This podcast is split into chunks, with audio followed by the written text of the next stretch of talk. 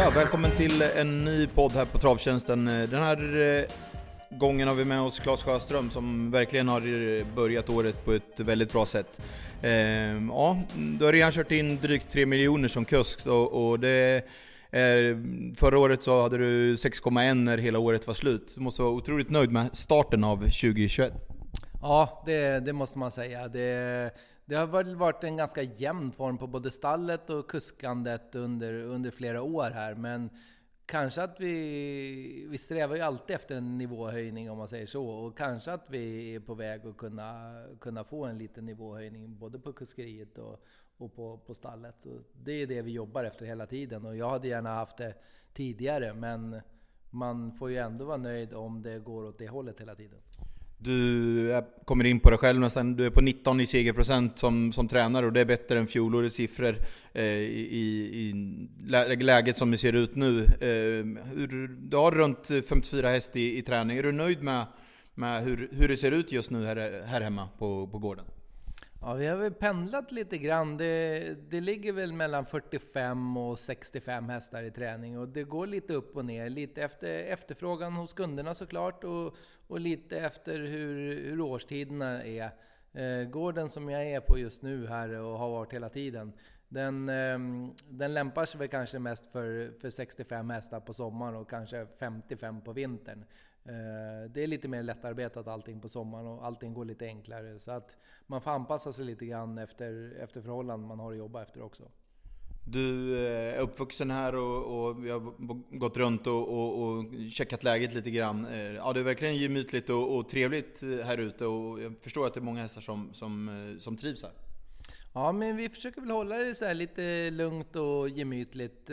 Och vi vill gärna att hästägarna ska känna sig välkomna, att de kan komma ut och ta en fika här och titta på sin häst och ge den lite morötter och kanske se ett träningsjobb och att de ska få vara lite delaktiga om de har den önskan. Hur var det som eh, en ung Claes Sjöström? Var det givet att det skulle bli travet eller var, det, eh, var du intresserad av några andra sporter och idrotter? Och, och, ja, minns du tillbaka? Eh, ja, det gör jag verkligen. Eh, det var absolut inte givet att det skulle bli trav, utan det dröjde ända till 18-19 års åldern innan jag började köra häst första gången. Hur var, det, var du vass på några andra sporter och höll på med det, eller var du en plugghäst, eller hur? Nej, det var, det var idrott, idrott för hela slanten kan man säga. Jag provade på nästan de flesta idrotter som, som finns och tillgängliga. Eh, men ishockey och fotboll var det jag spelade mest från när jag var 6 till 17 och sen så när jag var 14 började jag spela golf och det var det som tog över från både ishockeyn och fotbollen. Så att golf vart det otroligt mycket där mellan 14 och 20 i varje fall. När jag åker, eh, ja, åkte förbi här för att komma till dig så fanns det en golfbana. Är du där och besöker den mycket fortsatt eller? Eh, jag haft ett, eh, eller hade ett uppehåll där från, ja men ett par år efter att jag började med hästarna och, och blev lite mer, hade hästarna lite mer, fick det som, som rent jobb så, så tog hästarna över egentligen från golfen och jag hade ett uppehåll helt och hållet på 15 år. Eh, men så för tre, fyra år sedan här så kände jag att jag behövde ha någonting annat eh, utanför travet som fick mig att tänka på lite annat och, och få upp motivationen och eh, få lite avkoppling. Och då, då spelar jag golf. Så det blir nog kanske en 20 runder om året i varje fall. Vad ligger du i handikapp nu och var du, var du nere på som bäst? Det var nere på två när det var som allra lägst och nu spelar jag väl kanske på 10-12 ungefär, skulle jag kunna tänka mig. Och skillsen, är du närslagen eller vad är du vassast på? Alltså jag har nog alltid varit mer för det, det långa spelet. Ta i mycket och, och slå långt. Det har varit det som har imponerat för mig. Det, det är nog det som jag skulle säga att jag har, har, har bäst på utav, utav de grupperna. Mm. Ehm, du har en familj som också har varit travintresserad och så det kändes som att det var kanske relativt eh, lätt att du, du ändå höll på att syssla med det här, eller hur, hur har du varit med bakgrunden för eh, Sjöströms? Ja, men jag har ju alltid haft eh, travet eh, på gården. Jag har ju bott på, uppväxt på en travgård, så jag har alltid haft möjligheten, men jag har aldrig blivit pushad till att vara i stallet om jag inte har velat, utan det, det var ett eget beslut som växte fram där när jag, när jag var mellan två jobb och tänkte att fasiken, jag kanske ska prova det där med tävling. Och, eh, på den tiden fick man inte köra lopp förrän man hade fyllt 18 år och det var väl det lite som väckte motivationen i mig att börja. Att, fasiken, det skulle kanske vara kul att tävla ändå. För att tävling, det har jag ju verkligen i blodet. Och då när jag väl provade på det så då har jag varit fast sedan dess. Hur var du som ung och med golfen och så? Var du het när du, man inte vann eller när man eh, vann? Och har det förändrats med åren? ja, det har det absolut gjort. Eh, tack och lov för alla i närheten. Men eh, jag var nog väldigt dålig förlorare eh, när jag var yngre. Och det har väl tack och lov växt bort lite grann eh, under åren. Men eh, Nej, jag hade, jag hade svårt att ta motgångar eh, när jag var yngre och har kanske fortfarande lite svårt att ta motgångar men kan väl tackla dem på ett mer naturligt sätt nu. Är det någonting du har jobbat med eller att du har fått någon hjälp? Eller är det bara åren som har hjälpt dig och blivit, att du har blivit äldre och visare och klokare? Ja, det är nog erfarenheten som har spelat in där. Erfarenheten och eh, livserfarenheten allmänt. Man ser att eh, travet kanske inte är the end of the world. Det kanske finns större problem än så ibland eh, när man har kört en galopp. Men eh, eh, det tog lite tid för mig att inse, men det, det, det, känns betydligt bättre att förlora nu än vad det gjorde för 20 år sedan. Du berättade en jäkla häftig resa. Jag tror inte många har koll på den. Jag hade inte koll på den, men, men ber gärna återberätta den här eh, sommaren sommaren du hade eh, runt 2002-2003 när du åkte till Visby. För det, ja, det var verkligen fräckt. Ja, det, det var väl när jag hade jobbat några år med min farbror här och tyckte väl att jag hade andra sätt att se på saker och ting än vad han hade och jag ville väl också komma hemifrån lite grann. Hade gått här på, på gården och skrotat alldeles för länge tyckte jag då. Så att eh, eh vi hade 12 hästar tillsammans han och jag då och bestämde mig för att eh, hyra ett stall på Visbytravet under en sommar och det var 2003.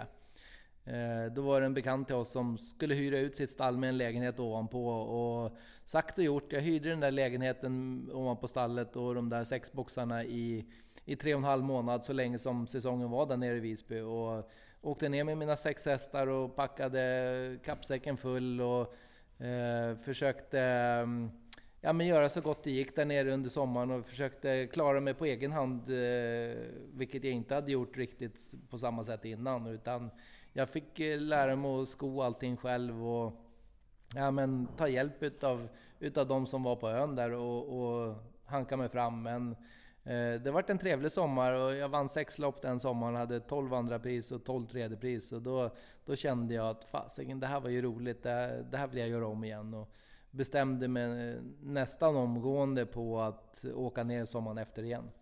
Och det gick rätt så bra redan då kommande sommar? Ja, eh, då vart jag champion på Visby andra året och hade 12 hästar med mig ner den, den gången. Och eh, vann på flera andra, andra pris mot eh, Ronny Widerström som hade en hård fight med där nere den sommaren. Skön nostalgi för er som kan eh, travsporten. Vad, vad, kände du att du lärde dig? Var du mest kanske att stå på egna ben eller var det någon, något som, någon polett som trillade ner just där och då? Eller hade du bara en rolig sommar i, i Visby? Ja, men dels så fick jag, ju, fick jag ju lära mig att stå på egna ben, absolut, och ta egna beslut. Och, eh, dels så var det väl väldigt nyttigt att komma hemifrån eh, ett tag i varje fall och få liksom lite, lite annan syn på allting och träffa lite nya människor. Och sen så hade vi väldigt trevligt där nere de somrarna också och man lärde känna mycket nya människor. Och det är väl en av anledningarna till att jag är där så mycket nu för tiden och kör också. Att jag har fått så mycket kontakter som man har hållit, hållit i under åren och eh, också kunder där nere som, som man har fått göra åt. Så att, eh, ja, men det, har, det har varit ett positivt inslag i, i sommartillvaron. Mm. Eh, jag kollade upp lite med eh, sportchef eh, Anders Malmroth inför det här och eh, han sa att eh, det är nog rätt så roligt att äga häst i Sall Sjöström. Ni har era dagar eller på Valla på tisdagar när ägarna kan komma dit och det är mycket fika och, och allmänt ganska trevligt. Ehm, är det någonting som eh, du känner igen? Ja, men vi försöker för, för de hästägarna som är intresserade och vill vara med lite närmare hästarna och vara med lite grann i stallet så försöker vi göra eh, egentligen inget extra, men små grejer som att ägarna får veta när de ska träna på Solvalla, kanske en dag förväg och att om de har möjlighet så får de gärna komma in och titta och, och kanske ta en fika och snacka lite grann eh, under träningsjobbet och efter träningsjobbet och, och få vara lite delaktiga om man nu vill det. Mm. Eh, han creddade även dig och sa att eh, många kanske i våran bransch är ganska gnälliga och kommer med feedback och det är ganska mycket negativt. Du kan också kanske ha lite negativt att komma med, men inte bara gnäll utan att du är ganska konstruktiv. Och du kan, man kan föra en bra dialog med dig och du kan även vara gällande att du pratar med banmästaren där och, och, och så vidare. Ja, men jag gillar ju att försöka få saker och ting att bli bättre. Och jag tycker väl själv att jag har många idéer och, och funderingar över hur och varför och, och, vad man ska göra. Och så är jag också väldigt nyfiken på varför man gör på vissa sätt och hur resultatet har blivit och ta med sig det vidare. Eh, så där tycker jag väl att, eh, att jag har eh, liksom, ja men jag försöker ge av det jag kan och, och ta åt mig av det jag kan.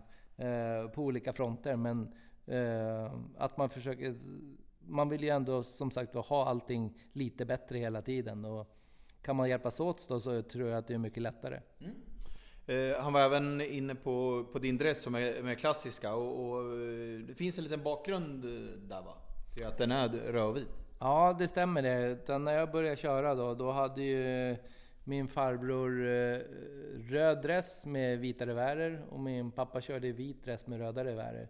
Och jag hade väl eh, inte så mycket idé på vad jag skulle ha själv för egna färger. Så då, då blev det att jag tog eh, rött och vitt. Och, eh, det fanns ju inte sådär jättemånga eh, mönster att välja på. Men jag hade ju sett Axel Jakobsen i hans svartrutiga färger och tyckte det var ganska fräckt. Så att jag tänkte att röd och vitrutigt, det, det måste kunna bli bra.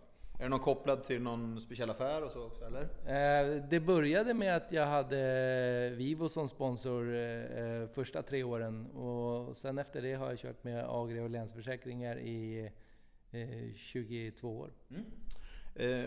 För mig personligen så är du mycket bike, helstängt och barfota och, och bra fart från början. Och, Eh, få effekt på, på hästar. Det känns som att du inte sitter eh, orädd och inte vågar testa lite nya saker.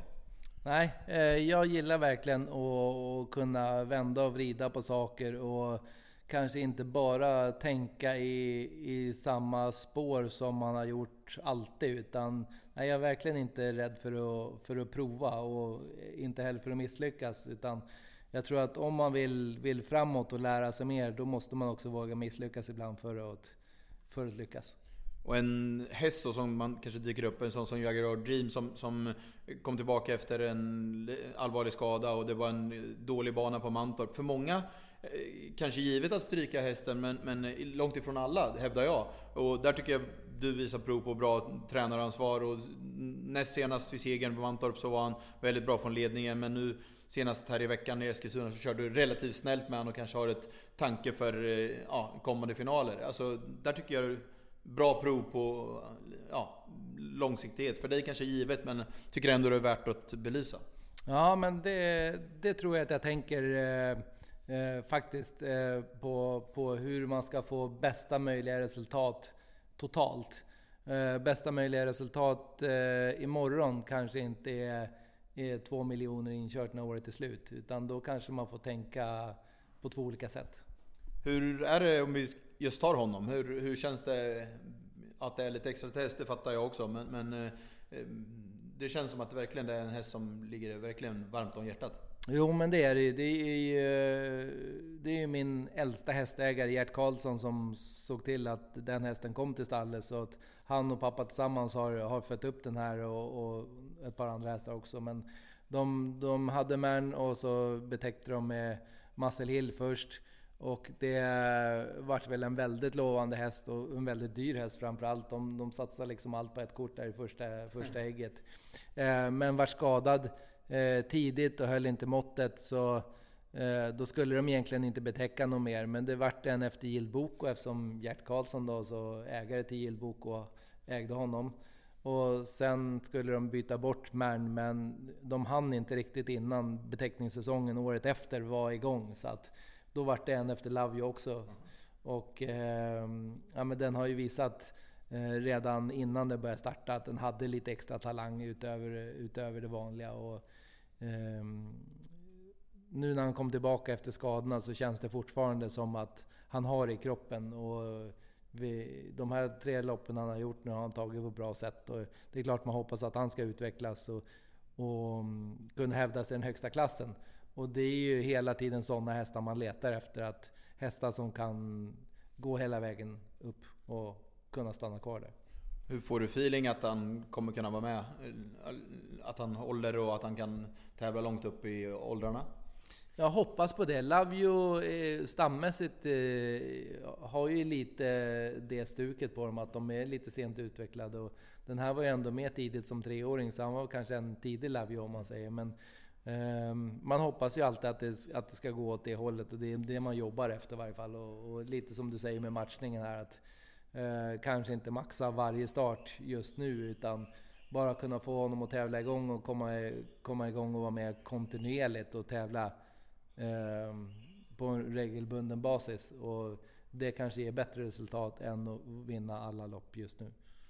Eh, just Jänkarvagn så är ju du ganska signifikativ med. Och eh, ja, du har bra snits i biken, typ lite Johan Untersteiner och Peter Untersteiner. Och vissa får ju inte samma effekt när man kanske inte trivs i den. Är det, är det någonting som du har lärt dig att köra en jänkarvagn eller har det fallit naturligt för dig?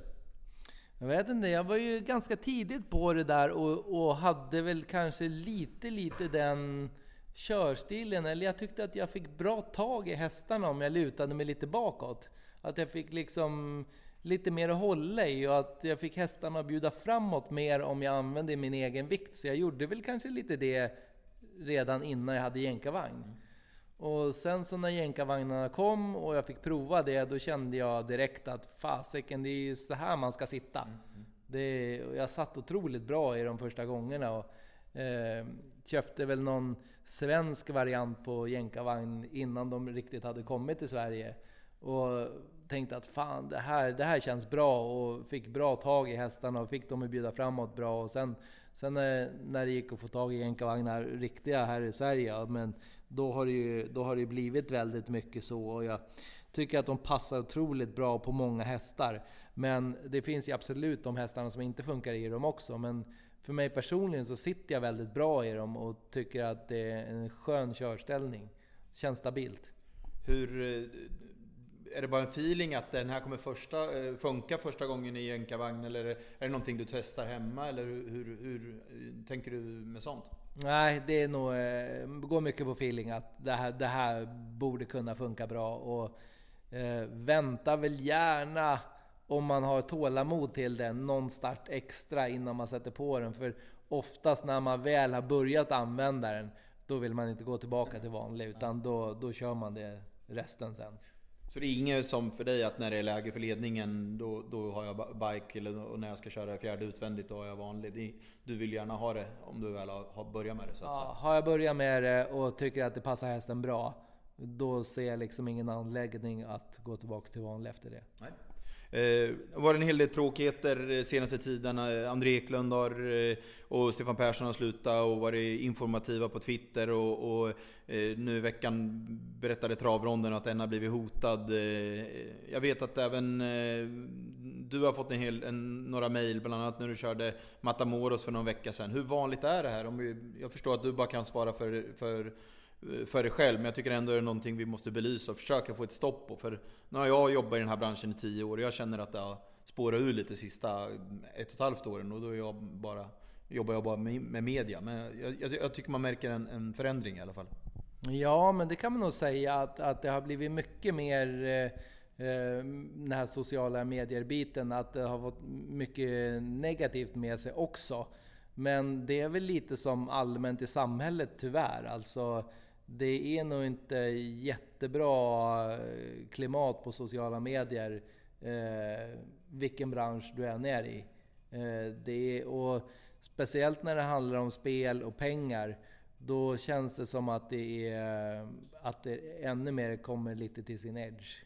Att eh, många som är upprörda i, i stunden. Och nu när, när travet har gått så otroligt bra i coronatider och nästan fått en skjuts utav det, så känns det som att det har kommit in ännu mer eh, folk som spelar som kanske inte har gjort det förut och kanske inte har helt koll på eh, hur sportbiten ser ut. Och därav kanske lättare blir besvikna. Jag vet inte, det är bara en teori, men det känns som att klimatet på sociala medier är, är inte riktigt där man skulle vilja ha det. Och jag tror inte att det skulle vara sånt klimat om man såg varandra öga vid öga. Då är jag helt övertygad om att samma människor skulle uppträda annorlunda. Eh, och, och, det tror jag hela samhället har ett problem som skulle behöva bearbetas. Men jag har ingen riktigt bra svar på hur eller hur, vad man ska göra åt det.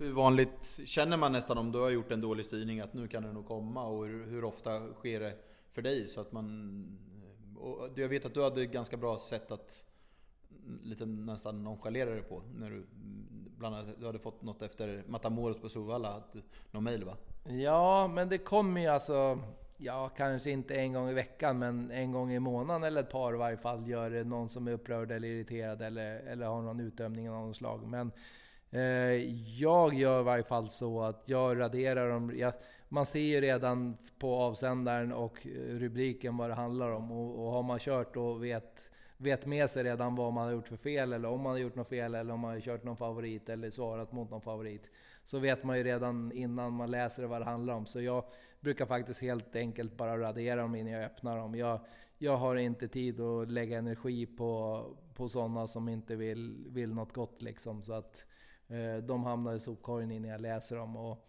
där får man nog helt enkelt göra vad som passar en själv bäst. Men, men jag, jag har valt att fokusera på mig själv och, och det som för mig framåt och det som är positivt. Eh, eh, det andra, det, det, vet man med sig när man har gjort fel och det kommer man göra fler gånger. Så att det får man bara lära sig utav misstagen. Och man kan inte ta så hårt på, på vad andra tycker. Utan eh, jag gör som så, jag stoppar dem i sopkorgen och så får, får det vara till andra att göra så som de vill. Det, jag, det tycker jag låter som en, en vettig idé. Och, och, ja, nu har vi varit inne på det lite negativt. Nu har jag kollat runt lite med lite kollegor och, och konkurrenter till dig, så vi ska bygga upp det om jag fick det på lite tråkigheter. Så, så ska du få höra lite vad eh, dina kollegor eh, anser om, eh, om, om dig som person. Ja, Marcus Syrén, dig som travspelare, om jag säger Claes Sjöström, vad, vad tänker du då? Jag tycker är en väldigt duktig kusk som eh, alltid är intressant, eh, framförallt när han kör i bike. Sen är det en fördel när man är på trav med de lite äldre, för de har väldigt lätt att hitta han i loppen. Ja, eh, Kenneth Hausta, kollega och konkurrent. Vad har du att säga om Claes Sjöström? Nej men mycket schysst kille tycker jag och, och kör bra i loppen där, så det är bara positivt att säga om Claes. Eh, ja, Magnus Jakobsson, eh, kollega och konkurrent. Vad har du att säga om Claes Sjöström? Ja, det är bara, bara positiva saker tycker jag. Han är väldigt schysst, eh, schysst i loppen och en, ja, en, en tuff konkurrent men väldigt trevlig och bra tycker jag. Och så kör han i bike som inte du gör. ja, det, ja, han är ju duktig på det. Han är bättre än mig på det i alla fall. ja, kollega Petter Karlsson, vad säger du om eh, rödvita Sjöström? Ja, jag jagar han flera år i den där kuskligan på Gotland. Han är helt omöjlig. Alltså det är, jag är inte i närheten, men i år ska jag ta honom då. Eh, men eh, förutom det då så är han, han är jättetrevlig och otroligt duktig och framförallt på Gotland märker man ju hur han höjer sig. Eh, liksom när han får köra lite bättre hästar och är ju otroligt. Han är både fräck men väldigt, han kör alltid schysst också så att han är ruskigt bra. Stefan Karnestad, måldomare. Om jag ber dig nämna någonting om Claes Sjöström, vad tycker du om honom? En ganska enkel kusk att göra med, tar ofta sina bestraffningar och ganska klarsynt. Så att en mycket trevlig kusk att göra med. Ja, ja, det var fem stycken inom branschen. Vad har du att säga om de där gubbarna? Ja, det var ju nästan som man kunde tro att de var betalda. Det, de är väldigt trevliga utlåtanden. Mm.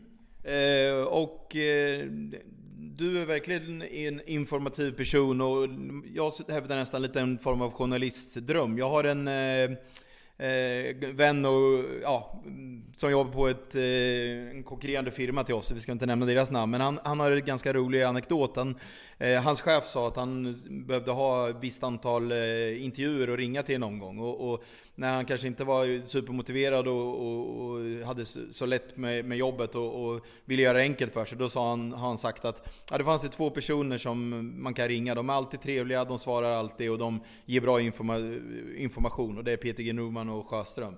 Eh, ja, jag nämner inte vem det är, men eh, det, det, var en ganska rolig koppling i alla fall. Till, och det tycker jag stämmer in ganska mycket på dig. Jag tycker du har en, en, en bra, mm, en lätt, lättsam person att intervjua som för oss inom media. Ja, jag, jag skulle säga att det är trevligt att höra, men jag skulle nog också säga att jag tror inte alla håller med. Okay. Eh, Eh, jag är nog väldigt trevlig att prata med om man är själv den som är påläst och vet vad man frågar efter.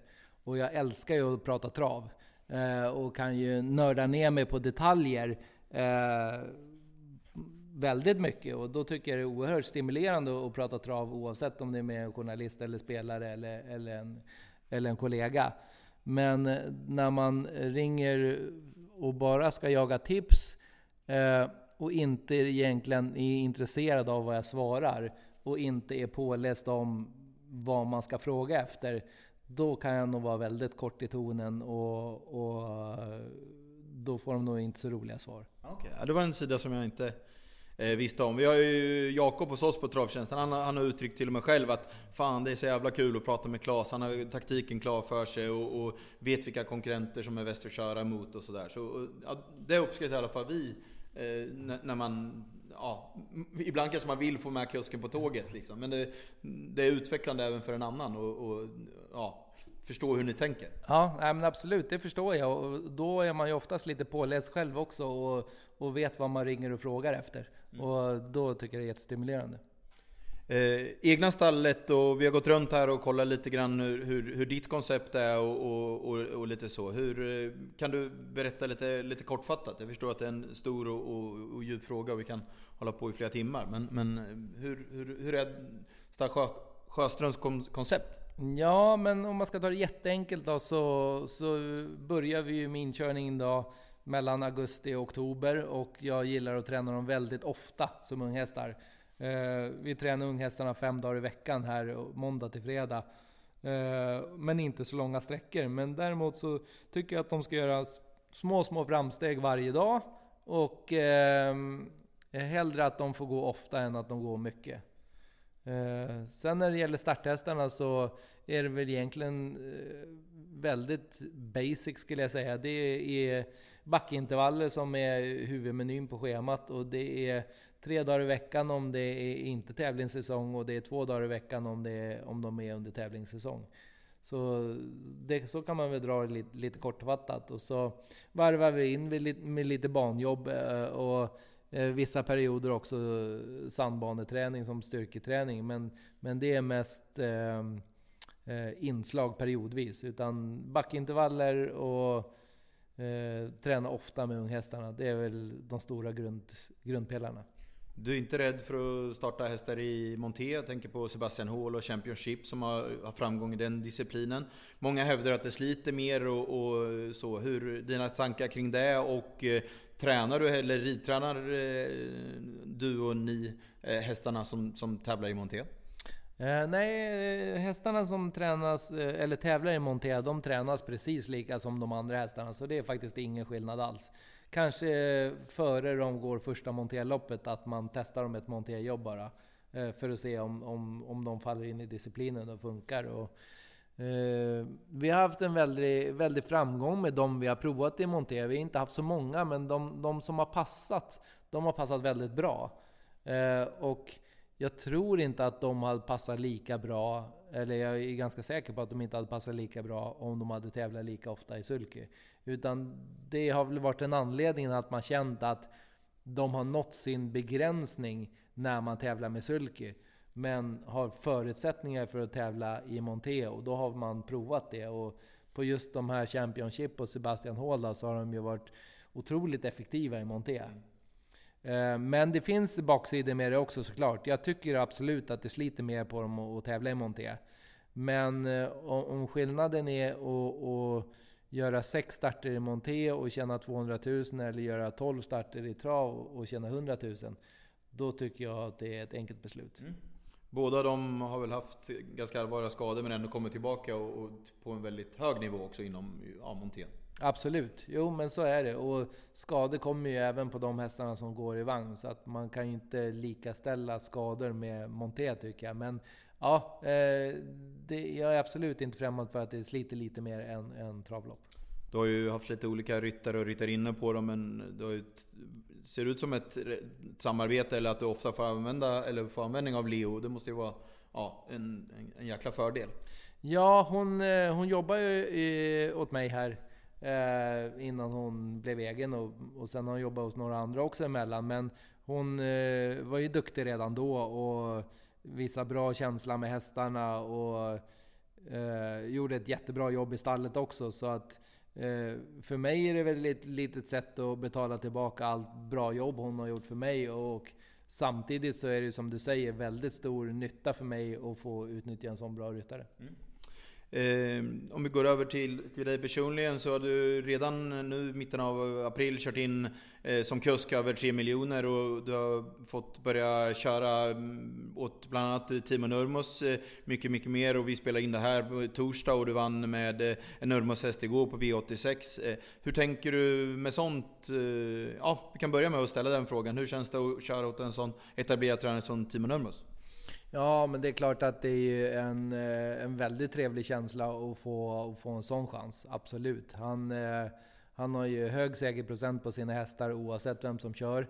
Eh, han har dem oftast väl i ordning och han har ett jättestort stall med många hästar. Så att det är ju bara positiva ting allihopa. Och nu har vi haft väldigt tur med oss för jag har fått köra Eh, väldigt bra hästar de här första gångerna jag fått köra till honom och vi har haft lite bra lägen och det har stämt bra i loppen och eh, vi har fått ett väldigt bra resultat. Och det är väldigt små skillnader i den här branschen om man kommer in och får köra åt ett stall och hästarna är kanske inte jättebra form och det går lite dåligt. Då är det snabbt att man provar någon annan kusk. Och samma sak om det går bra direkt, då är det mycket större chans att få fler chanser. Hur jobbar du när du ska köra som en sån som Antonio Trott exempelvis, om du inte tränar? Och läser du på mycket? Och, eh, eller använder du oss journalister för att få fram info? Eller hur, hur agerar du? Ja, eh, jag läser nog på ganska mycket oavsett om jag har egentränade hästar eller om jag kör åt andra.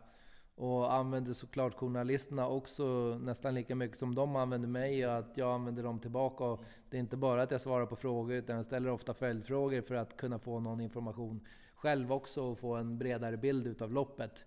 Eh, för man har ju väldigt bra koll på sina egna hästar men man har ju väldigt dålig koll på generellt andras hästar. Så där tycker jag att man får ta mycket hjälp. Och sen har jag en, en hästägare i stallet som jag har eh, ja, men eh, inte riktigt daglig kontakt med, men, men eh, alltså ett par gånger i veckan i varje fall. Eh, där vi går igenom loppen lite grann eh, innan. Han får information av mig, om, om hur mina hästar har tränat och lite mer tydligt liksom exakt hur jag tänker och jag får väldigt mycket hjälp utav honom med, med vad som har skrivits, vad som har sagts och, och hur han upplever loppet. Och, Eh, vi diskuterar både loppscenario och startrusningar och, och för och nackdelar med olika scenarion. Så att, eh, och ha en sån eh, hästägare till, till hjälp till sådana saker, då, det, är, det är otroligt viktigt för mig. Du kan ju bara svara för sig själv, men, men jag känner att det är någonting som har förändrats. Att, att ni kuskar eh, har, ha blivit mer taktiskt slipade. Eller att man i alla fall många gånger känns det som att förr, och man såg även på styrningen, att man körde lite bara som det blev. Och att man hör en del, lite old school om du eh, förstår mig rätt, som säger att ja, det där får vi se. Vi, vi, vi har, vi, man kan inte låsa sig vid någon plan och så. Men, men det är ju ändå nog så viktigt. Jag har ju varit fotbollstränare, man skulle ju aldrig gått ut eh, till en fotbollsmatch och inte ha en, en matchplan.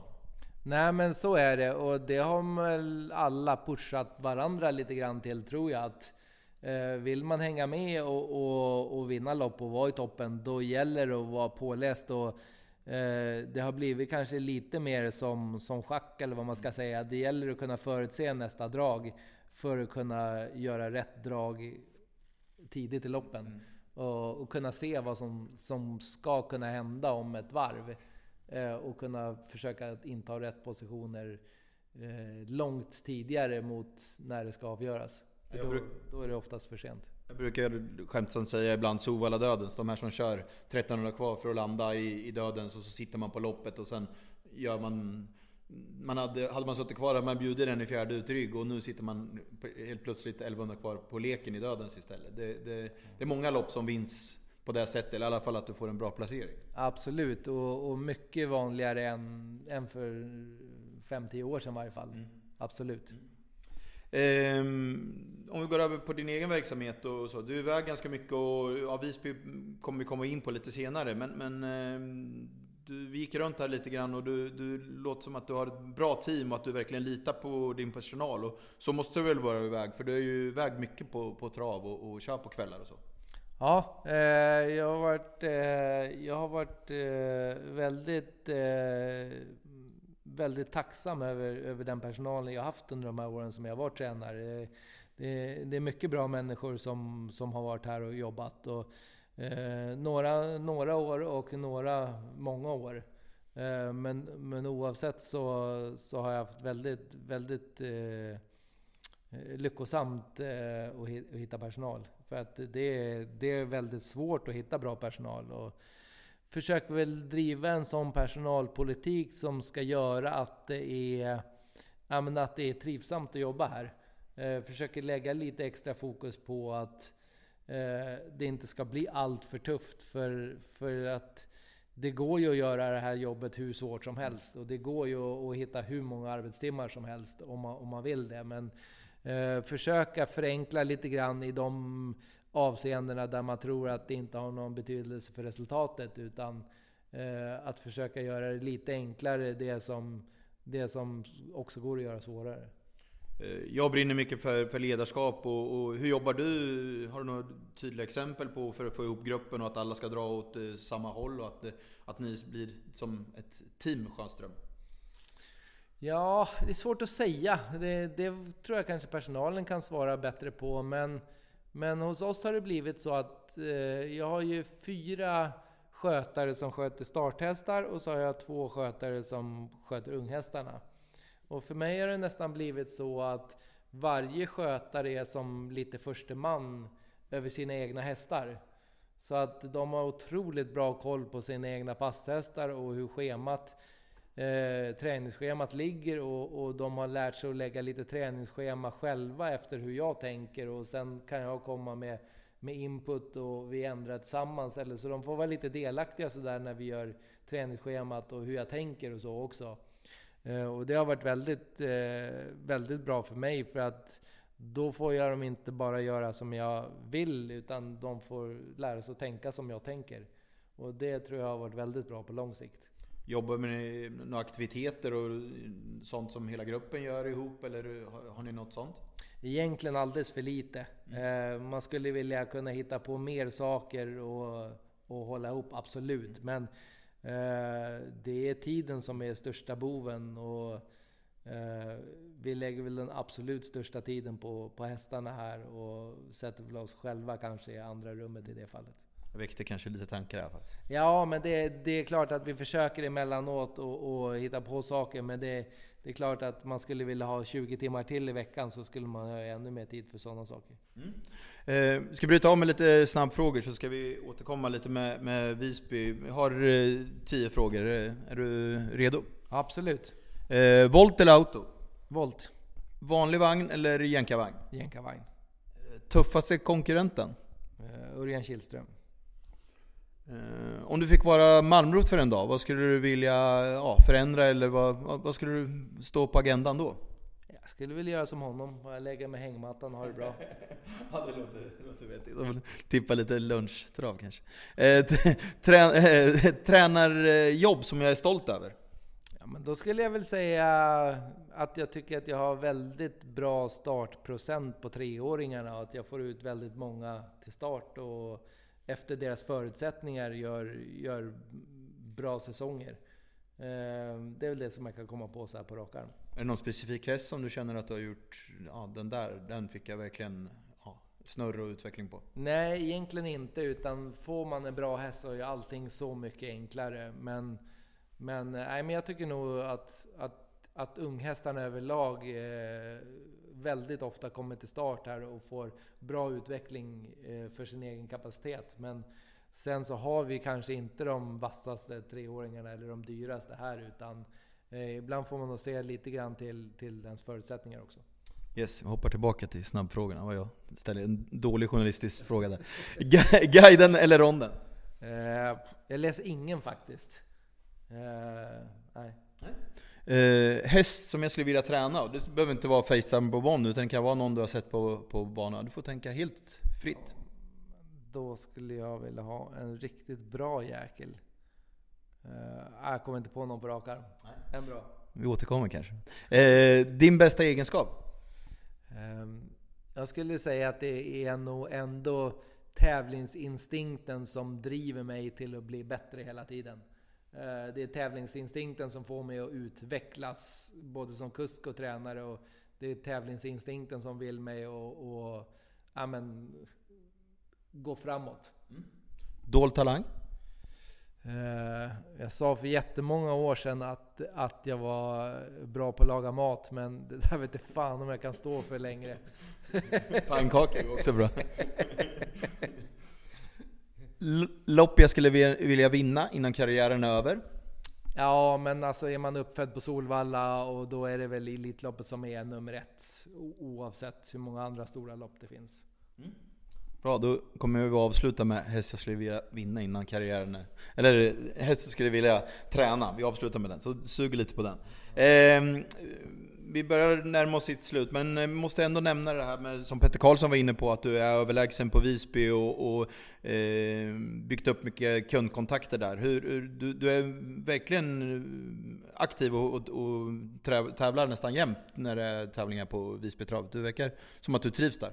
Ja, men det gör jag. Och eh, som sagt var, det är ett långsiktigt arbete eller vad man ska säga. Jag har varit där i många år och byggt upp eh, kontaktnät och lärt känna mycket folk. Och, eh, därav är det väl ännu roligare när man åker dit. Sen är det väl också så att eh, de kör ju bara på sommaren och på sommaren är allt väldigt roligt. Och sen är det väl Visby som stad som jag tycker är väldigt my- mysig med många bra restauranger. Eh, och jag gillar, jag gillar att gå på restaurang och jag gillar att äta god mat. Eh, så det passar väl mig väldigt bra också.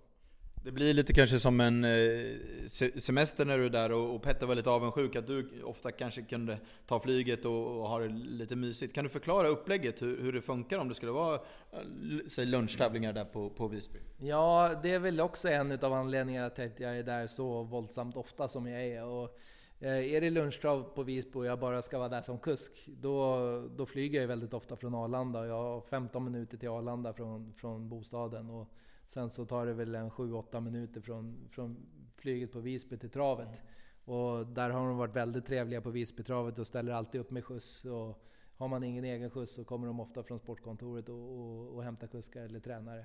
Så att det har varit väldigt smidigt för mig och eh, hittills har det faktiskt varit riktigt humana flygpriser och, och flyga också. Så att det har, det har funkat. Eh, så en, en lunchtävling för mig, då åker jag väl ungefär åtta hemifrån och så är jag hemma vid sex på kvällen igen och så har jag hunnit tagit en fika på flyget ner och en fika på flyget hem. Eh, Och även vunnit lite lopp kanske? Ja, kanske vunnit något lopp och hunnit läsa tidningen gentemot om jag ska till Romme eller eh, Örebro eller Eskilstuna eller någon sån bana och köra lunchtrav. Då ska jag sitta två, tre timmar i bilen dit och så två, tre timmar i bilen hem och så får jag vara fullt koncentrerad. Och här kan jag bara sitta avslappnad och... och eh, så att det har nästan varit enklare för mig. Hur har det varit där med kundkontakter och, och, och så? Det, det känns som att du verkligen är eftertraktad där och, och det kanske även har gjort eh, hästar du har kört där som du har fått tävla med på, på fastlandet sen? Jo men så är det. Alltså, eh, kör man hästar som, som det har gått bra med, då får man ju ofta chansen på dem nästa gång de startar också. Så att det har absolut hjälpt mig en, en hel del åt det hållet också. Mm, Petter var tydlig med att han skulle försöka jaga det i år. Är det din eh, övertygelse att du ska fortsätta satsa på att vinna ligan även i år där? Eh, ja men alltså det är väl alltid grundförutsättningarna när, när man har, har det som jag har haft, att man åker man dit så, så vill man ju vinna. Men eh, de här tre sista säsongerna har det gått så vansinnigt bra så att då har det liksom, då har det bara rulla på av sig själv. Men eh, Eh, alltså går det dåligt de fem första tävlingsdagarna, då är det inte helt säkert att, att man satsar lika mycket och är där exakt varje tävlingsdag heller. Utan det beror mycket på hur det går också. Att att det har gått så bra de där senaste tre åren gör ju att det har varit väldigt lätt för mig att åka då också. Så att det får man nog se lite från säsong till säsong och jag tror inte att han är ensam och vill jaga mig om championatet där. Så att jag tror nog att det kan komma en eller annan till som är, som är sugen på det. Så att, eh, men det är nog ett hårt arbete om man vill bli det i, i år, det tror jag. Mm. Eh, framtiden och, och, och, så. Du ligger som sagt eh, 19 eh, i segprocent på det egna stallet nu. Är du nöjd eller hur, hur vill du ha? Vill du ha runt 50 häst? Och, och hur ser du det här med, med catchdriveriet? Vi gick runt lite grann här innan vi drog igång och du sa kanske lite där med catchdriver beroende på hur, hur mycket äldre man blir. Det blir många frågor igen här. Men om vi börjar med framtiden och storleken på stallet. Ja, eh, som det känns just nu så känns det jättebra. Eh, storleken på stallet, det där beror hela tiden på lite grann hur bra hästar man har, hur bra personal man har, hur mycket arbete allting tar, hur mycket energi man har själv. Det, det är väl lite en avvägningsfråga. Och samma sak där, har jag väldigt bra framgångar som catchdriver, då, då kan det hända att man svänger över lite mer på det och har lite mindre hästar. Uh, och har man väldigt dålig framgång på catchdriveriet, då, då kanske det blir att man uh, gör lite mindre utav det och har lite mer hästar i träning istället. Så att det går lite faktiskt från, från, från år till år det där, hur, hur, eller från säsong till säsong nästan kan man säga hur, hur man lägger upp det. Och än så länge är jag faktiskt lite osäker på hur jag egentligen skulle vilja ha det om jag fick välja själv. Mm. Utan trivs väldigt bra i nuet och tycker att eh, det här passar mig väldigt bra som det är just nu. Men jag är inte heller eh, orolig för att om jag skulle behöva göra förändringar åt, åt det ena eller andra hållet. Jag skulle kunna tänka mig att det skulle kunna bli åt, åt båda hållen. Men det är klart att driva en träningsrörelse är ju mycket mer eh, ansträngande med eh, ja, men hästägare, kunder, personal. Eh, det är en mycket större apparat än att vara catchdriver. Så eh, för varje år som går och ju äldre man blir så kanske det blir att antingen så vill man inte åka runt och tävla så mycket och då kanske man har fler hästar i träning. Eller så kanske man känner att ah, det vore skönt att och, och inte ha så mycket annat att tänka på utan bara löpkörningen. Då kanske det blir att man drar sig lite åt det hållet. Ja, jag är lite tudelad. Jag gillar ju båda otroligt mycket. Så att eh, som det är för dagen så passar det här väldigt bra. Men, men jag är inte som sagt var rädd för förändringar heller. Men om jag, man ser det nu så känns det som att när det står Klas Sjöström tränare så är det ofta Klas Sjöström som kör också. Det har inte blivit det än att du vill leja bort dina egna hästar så att säga? Nej, då blir det nog snarare tvärtom att jag, att jag eh, kör mer. För, för dagen eh, går det ju väldigt bra på den fronten och jag är väldigt nöjd med, med både egna körningarna och, och åt andra. Så att, eh, för dagen är det nog att jag har kanske några färre hästar och kör ännu mer.